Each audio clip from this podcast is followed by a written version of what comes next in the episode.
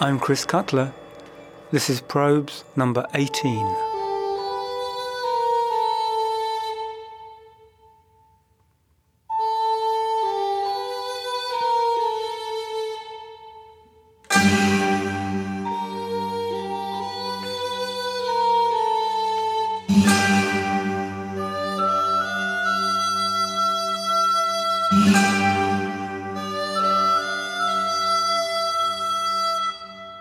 Last program, we looked at probes that explored unfamiliar and exotic percussion. Now I'd like to zoom in a little closer. One-off concertos are a popular vehicle for investigatory probes. Often undertaken at the behest of a particular player in search of repertoire, they can make a composer's task quite daunting, especially when the instrument to be showcased has no pitch range and very little flexibility. For instance, here's an extract from the Concerto for Maracas by the Venezuelan composer Ricardo Lorenz.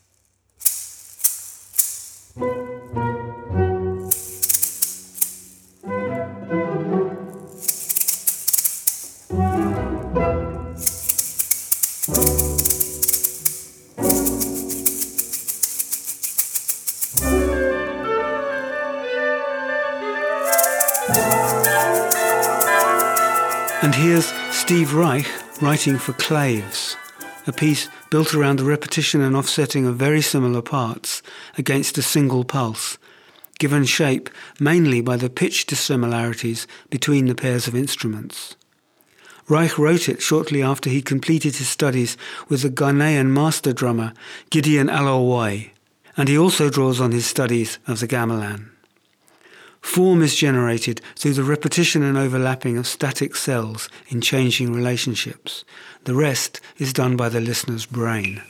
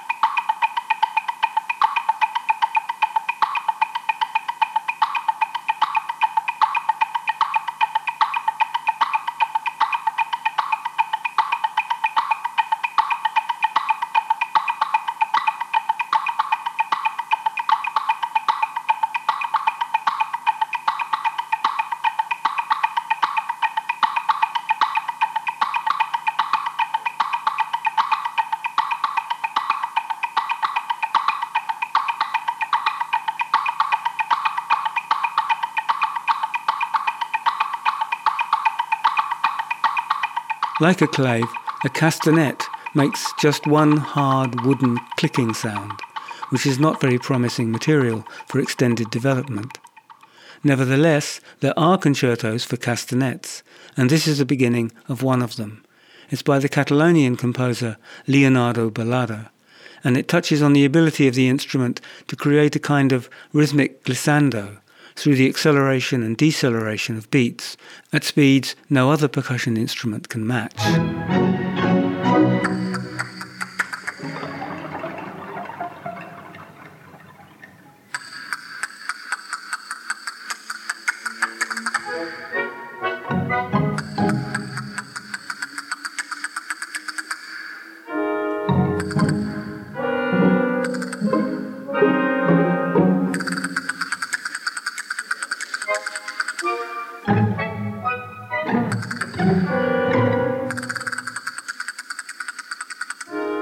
you.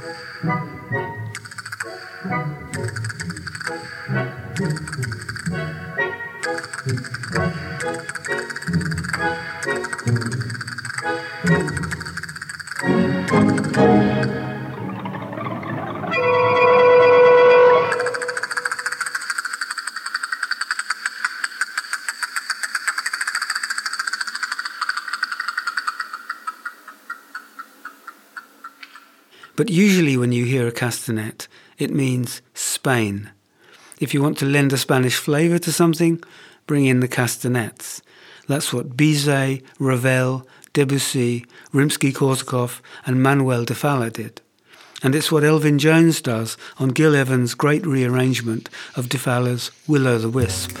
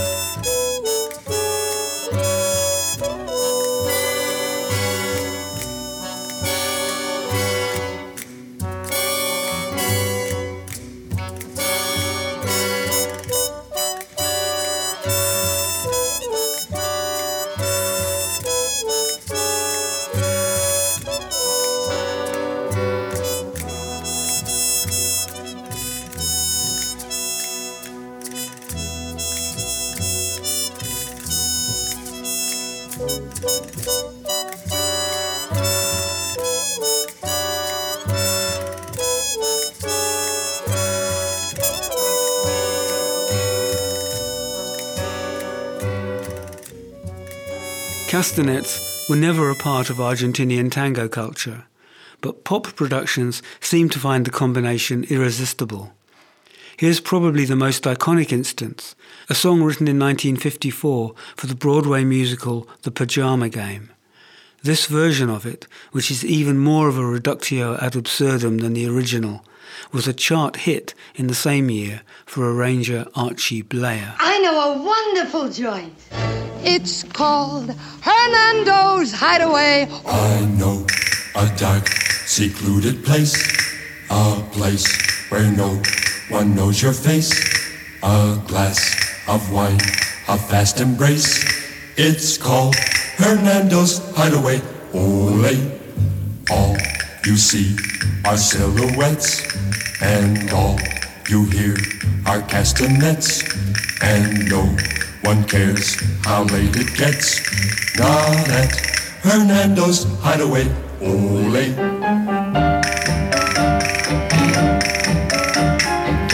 At the Golden Finger Bowl or any place you go. You will meet your Uncle Max and everyone you know.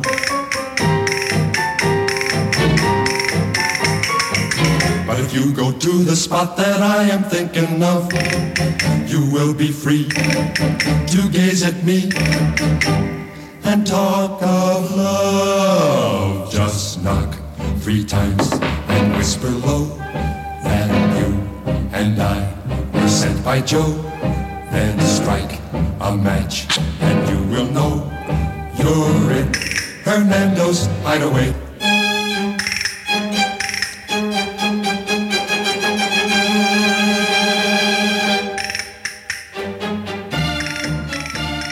But the most imaginative non flamenco use of the castanets I've heard is this by one of the truly great bands of the 1970s, who are unknown only because they were based in Barcelona, and in those days, if it wasn't British or American, the press couldn't be bothered to listen. Castanets run through the whole of this record. Here are the first two minutes of the opening track, Agost, in which the high transient precision of the castanets is used both to complement and to transform the contour of the melody. This is Musica Urbana from 1976.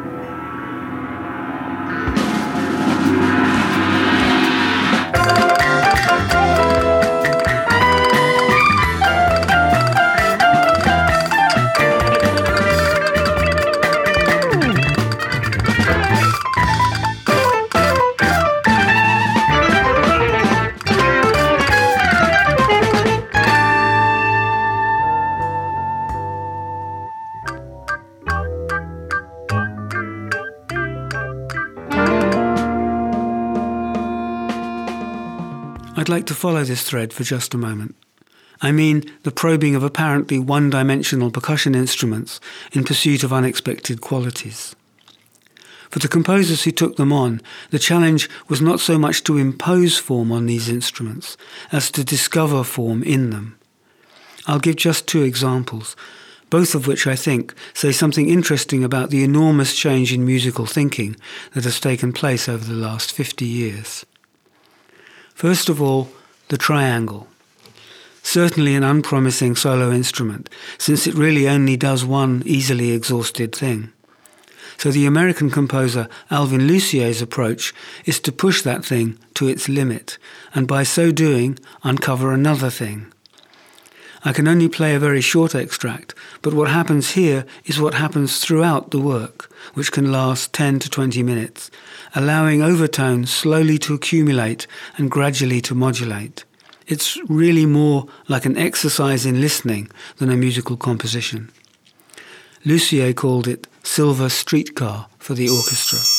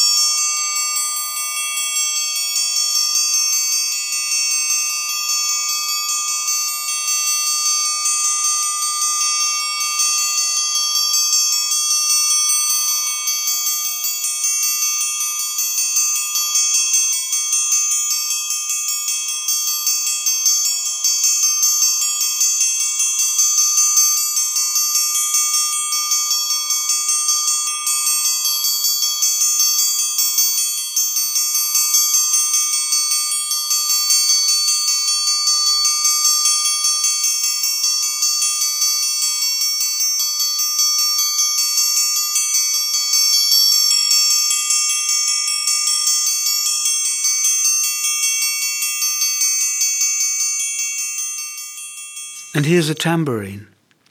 This is the beginning of the third movement of a very plausible work for percussion and orchestra written in 1994 by the American composer Joseph Schwantner. It's very nicely played on this recording by the Scottish percussionist Evelyn Glennie.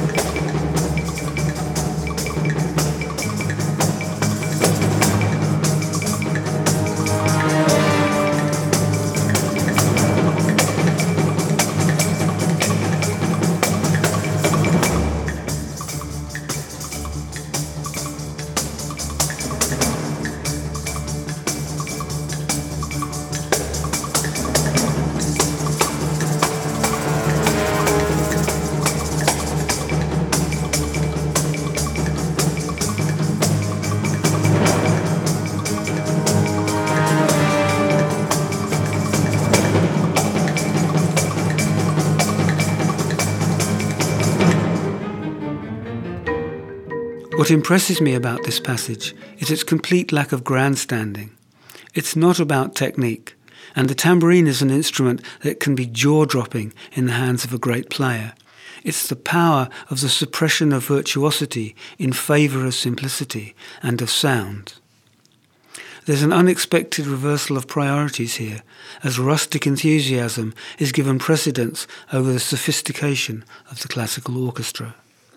And finally, here's what high technique can sound like. This is not traditional Asian or Middle Eastern folk technique, which can be equally breathtaking, but the product of long practice and original thinking. Here's what an acoustic tambourine sounds like in the hands of the Japanese virtuoso Takashi Tajima, using only his fingers. The low frequencies you hear are real. They're audible because he's using a microphone to amplify the acoustic sound. But there are no other treatments or electronic aids. This is a concert recording from Osaka, made in 2009.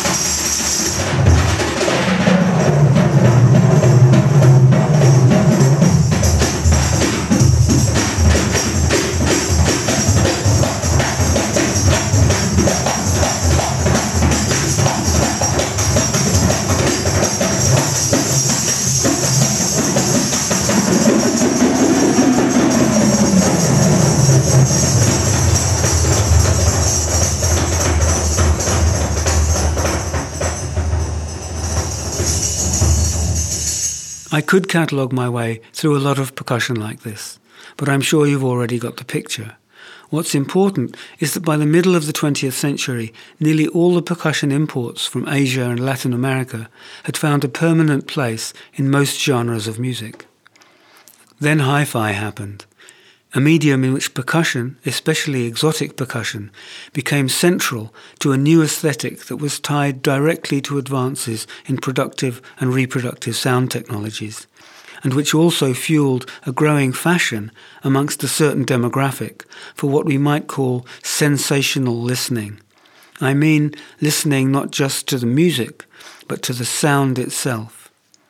In studios, arrangers began consciously to confect hyper-real experiences for their imaginary listeners, creating alien soundscapes through the combination of exotic and unfamiliar instruments in particular percussion instruments, because the clarity of their sharp transients and rapid decay was perfectly suited to the new recording and playback technologies.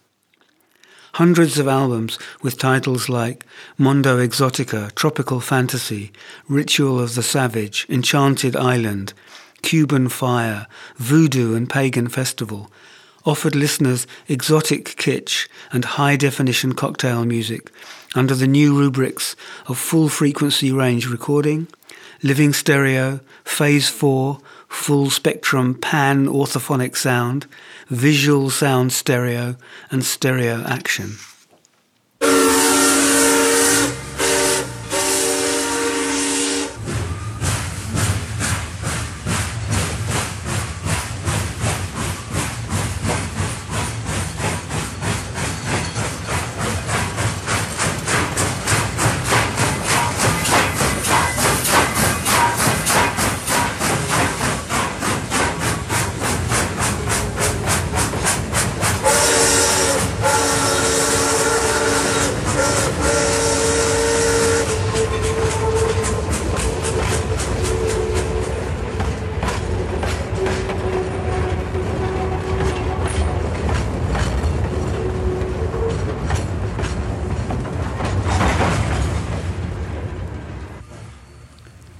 Same climate also drove an unlikely fashion for sound effect records, as listeners discovered the pleasures of being surrounded by tropical rainforests or having vintage locomotives rattling through their living rooms.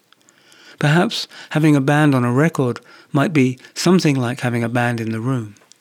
But sitting in a hi-fi rainstorm with the lights off offered imaginative stimulation of a completely different order.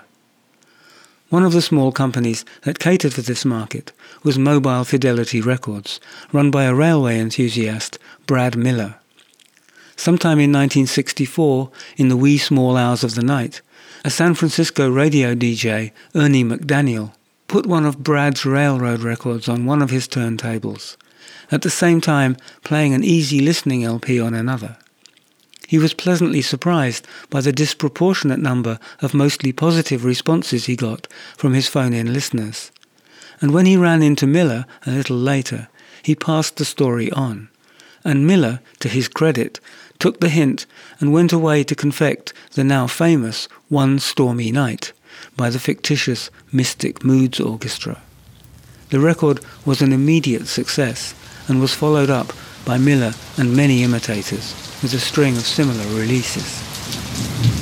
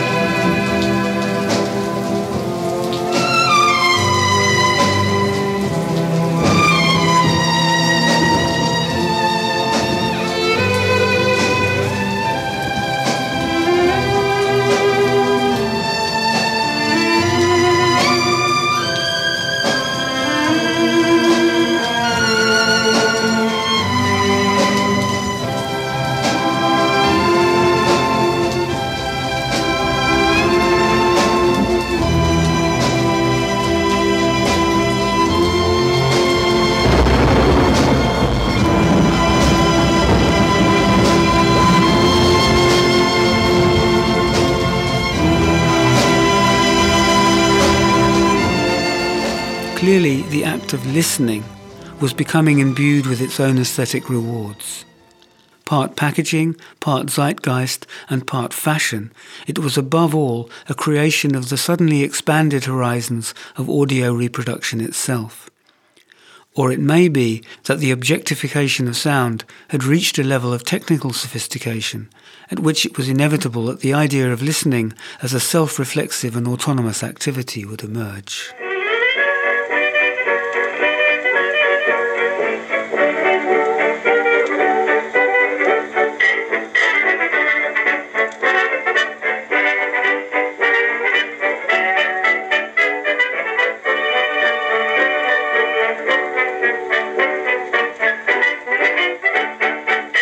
The notion of high fidelity itself was hardly new.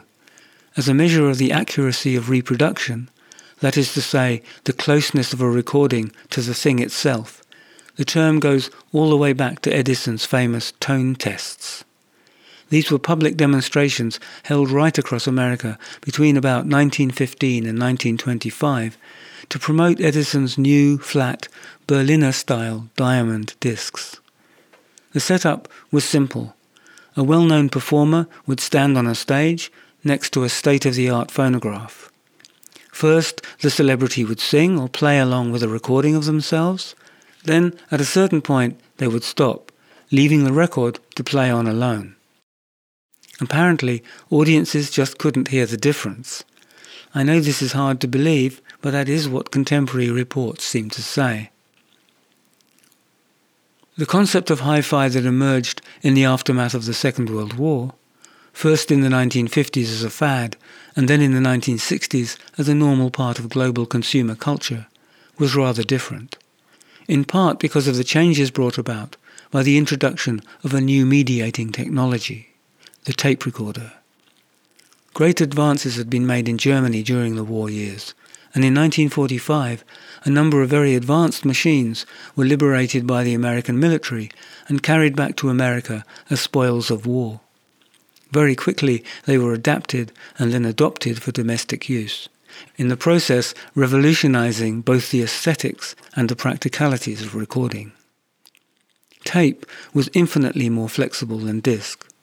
A disc could only be cut once, and it had to be cut continuously while tape could be used again and again, and different parts of different recordings made at different times could easily be cut together. So from being a means of documenting one-time performances, recording morphed into a discontinuous and constructive process that enabled and positively favoured experiment and revision.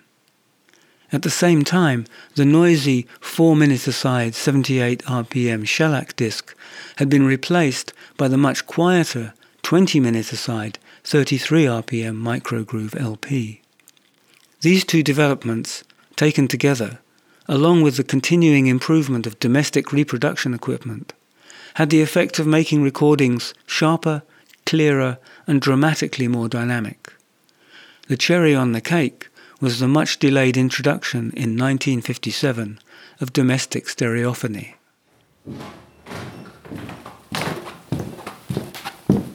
The first stereo system was invented by Clément Ader using telephone technology and was launched at the Paris World Expo in 1881. Within a few years, it had been commercially developed as a theatrophone which streamed live opera and theatre into Parisian cafes, clubs, and hotels through the medium of coin operated machines. If you took out a subscription, you could have them piped directly into your living room. Marcel Proust, for instance, was an early subscriber to this service. The theatrophone spread quickly across Europe and stayed in business until 1932, when it finally closed unable any longer to compete with the improved technology of radio. The stereo we know today was perfected in 1931 by Alan Blumlein for the British company EMI, but take-up was limited and confined mainly to cinema.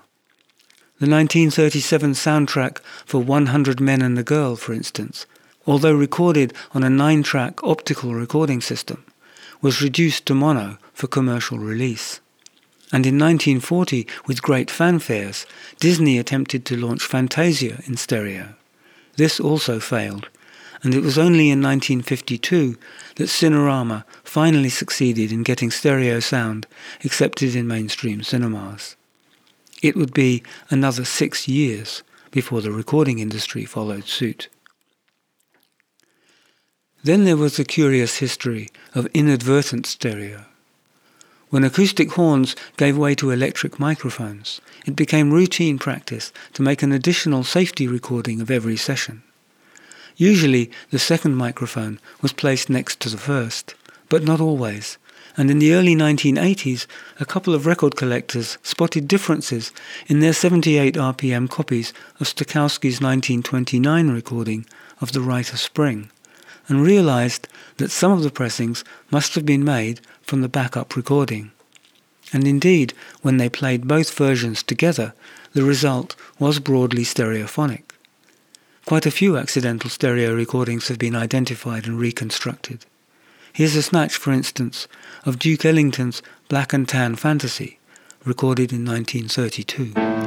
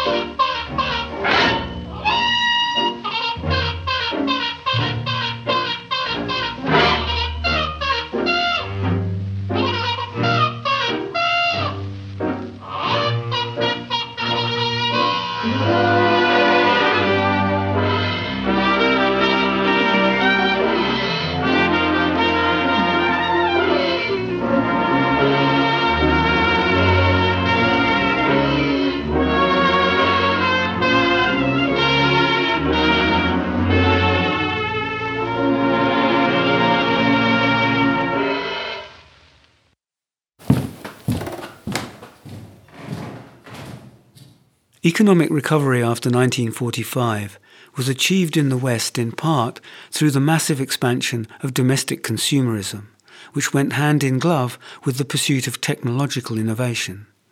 What we now call youth culture was just one incidental consequence of this development, as was the technologization of the home environment through a seemingly unstoppable proliferation of electrical gadgets and labor saving devices. Since women did the housework, most of this technology was aimed at them. Accordingly, vacuum cleaners, fridges, and washing machines were thoughtfully designed with simple press button controls. Hi fi, however, being linked to cerebral rather than manual processes, and designed to occupy rather than to save time, was seized upon by men as worthy of their serious attention. Manufacturers, seeing the way the wind was blowing, gave them glowing lights, calibrated meters, non-intuitive controls, and plenty of complicated technical data. Hello, muchacha. Oh, hello, muchacha. No, no, me, muchacho. You, muchacha. You know, like me, Tarzan, you, Jane. Me, muchacho. You, muchacha. Oh, you, muchacho. Me, muchacha. Wow, too much of a girl.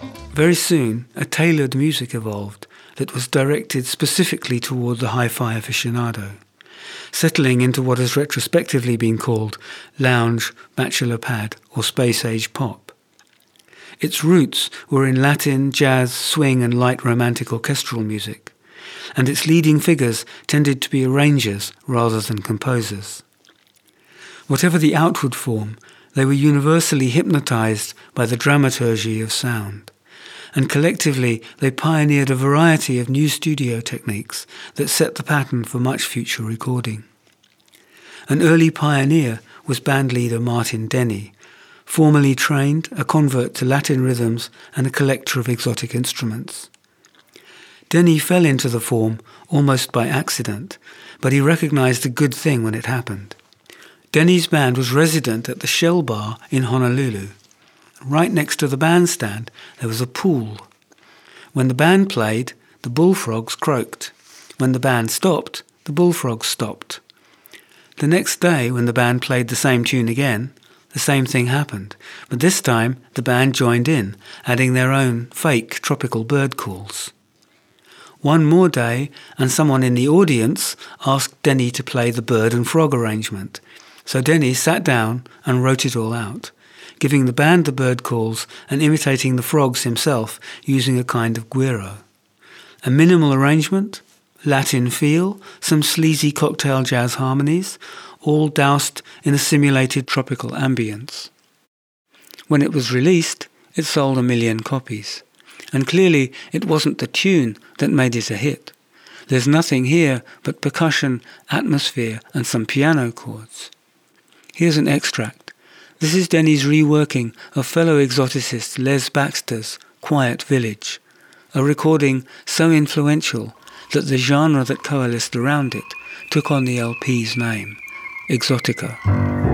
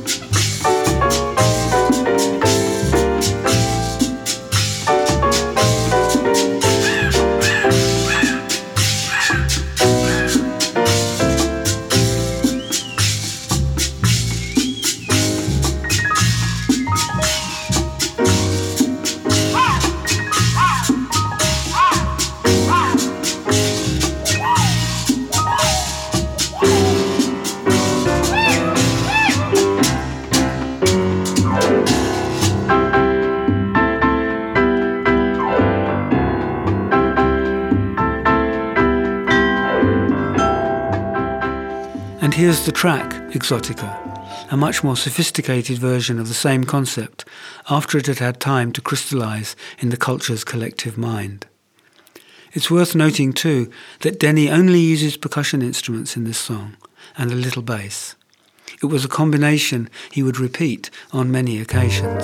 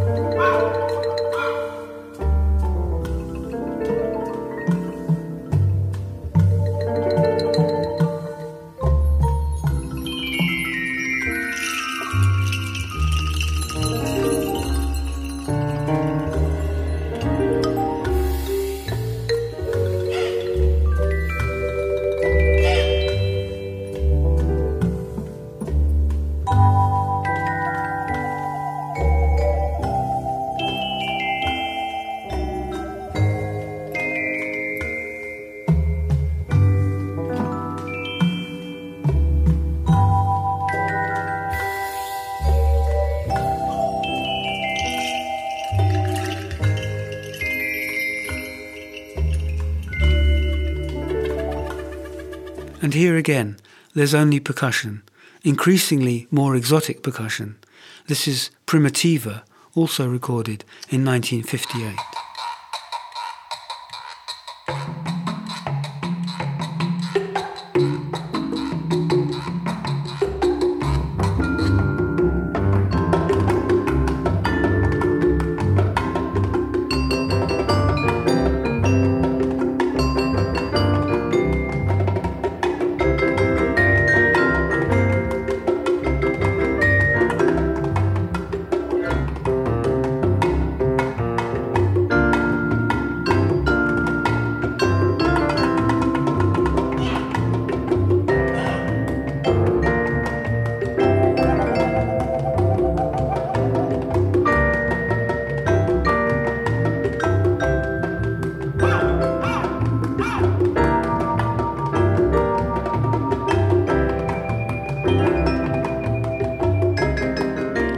The same time, and from the same direction, other arrangers and band leaders were adopting the same general formula, channeling the South Seas, Africa, Polynesia, ancient Mexico, or at least imaginary constructs of these places, but all consciously audiogenic and exploiting to the full the new sonic potential of improved recording processes and more sophisticated home hi-fi.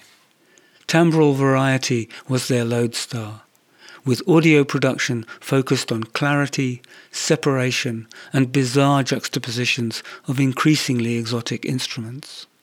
Klangfarben melody experiments were taken to extremes, and though these were almost uniformly high kitsch productions, excessive and often tasteless, some were also highly imaginative and technologically innovative. Their influence was universal not that anyone who wanted to be hip in the 1960s would ever admit to listening to anything so hideously uncool. But when you hear the young Brian Wilson in his glory, you hear the obvious influence of Juan Esquivel. Let's listen to the master at work. This is Esquivel's Cachita, recorded in 1961.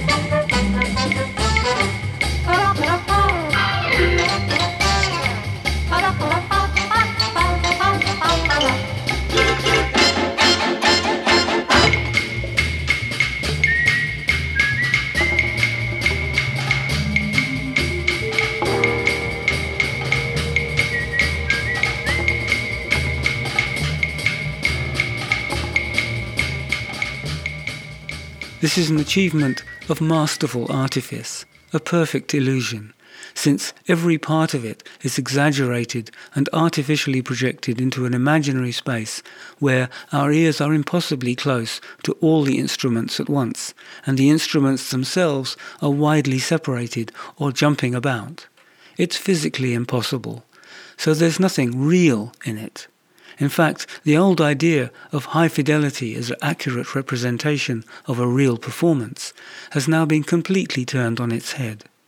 It's the unreality that's the essence of the new hi-fi, and also, arguably, its greatest achievement. Just listen to the Three Suns 1961 arrangement of Juan Tizol's classic, Caravan.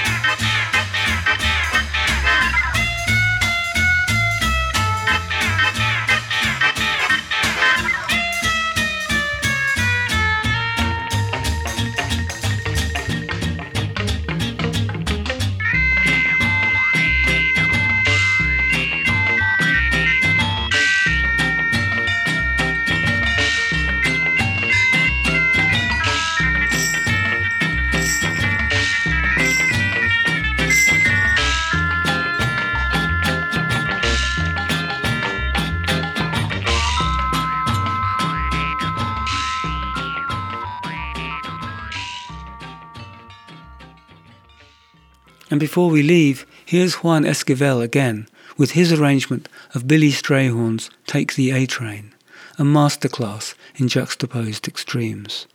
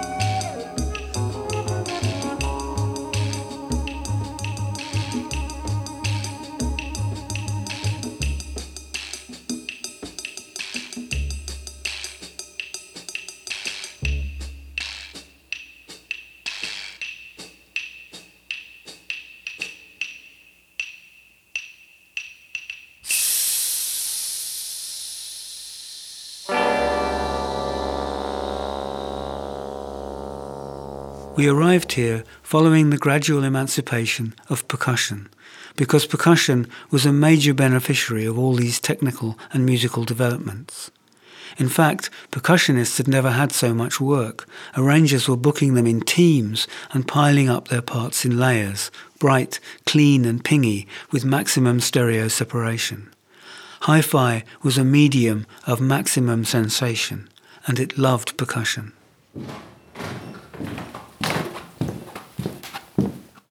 Probably the purest exponent of percussive hi-fi was Enoch Light, a classical violinist, bandleader and recording engineer who went out of his way to set new benchmarks for clarity and ping-pong stereophony. In 1960, he released Provocative Percussion on his own Command label. It was an unexpectedly enormous hit, in spite of having little radio play, because radio was exclusively mono at the time. For Light, this first release was proof of concept, and over the next two years he released three more provocative percussions, four persuasive percussions, an offbeat percussion, and pertinent percussion. Not to mention the scores of releases that didn't actually have the word percussion in their titles. Here's what nearly all of them sounded like.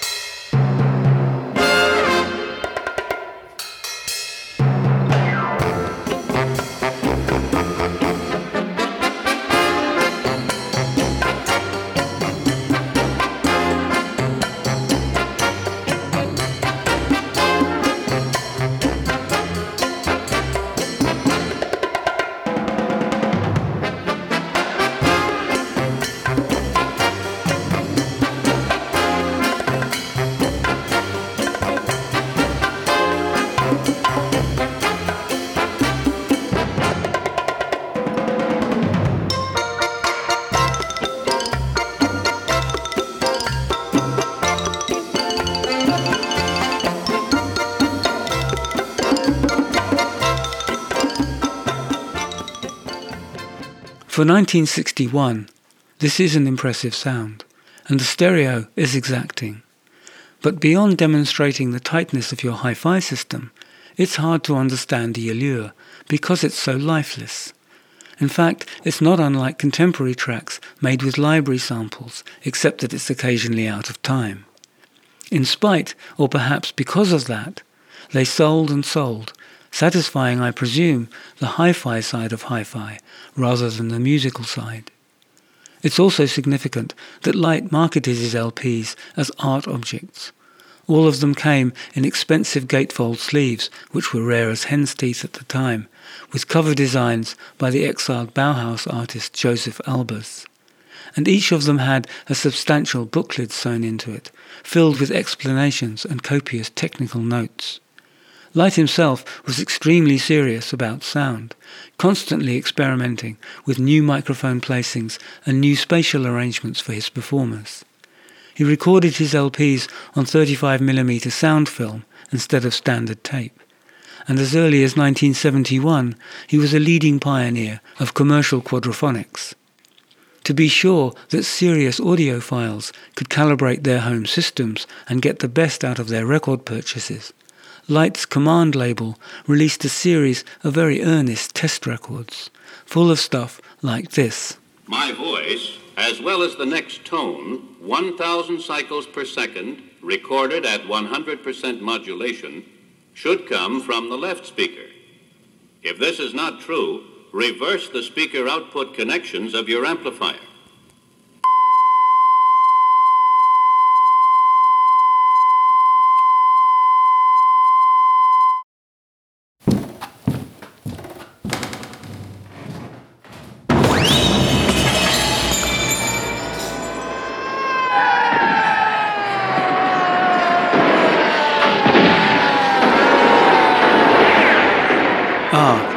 Guests are arriving, so we'll be back next month with tales from the African diaspora.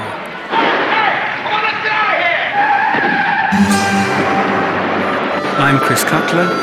This has been Probes.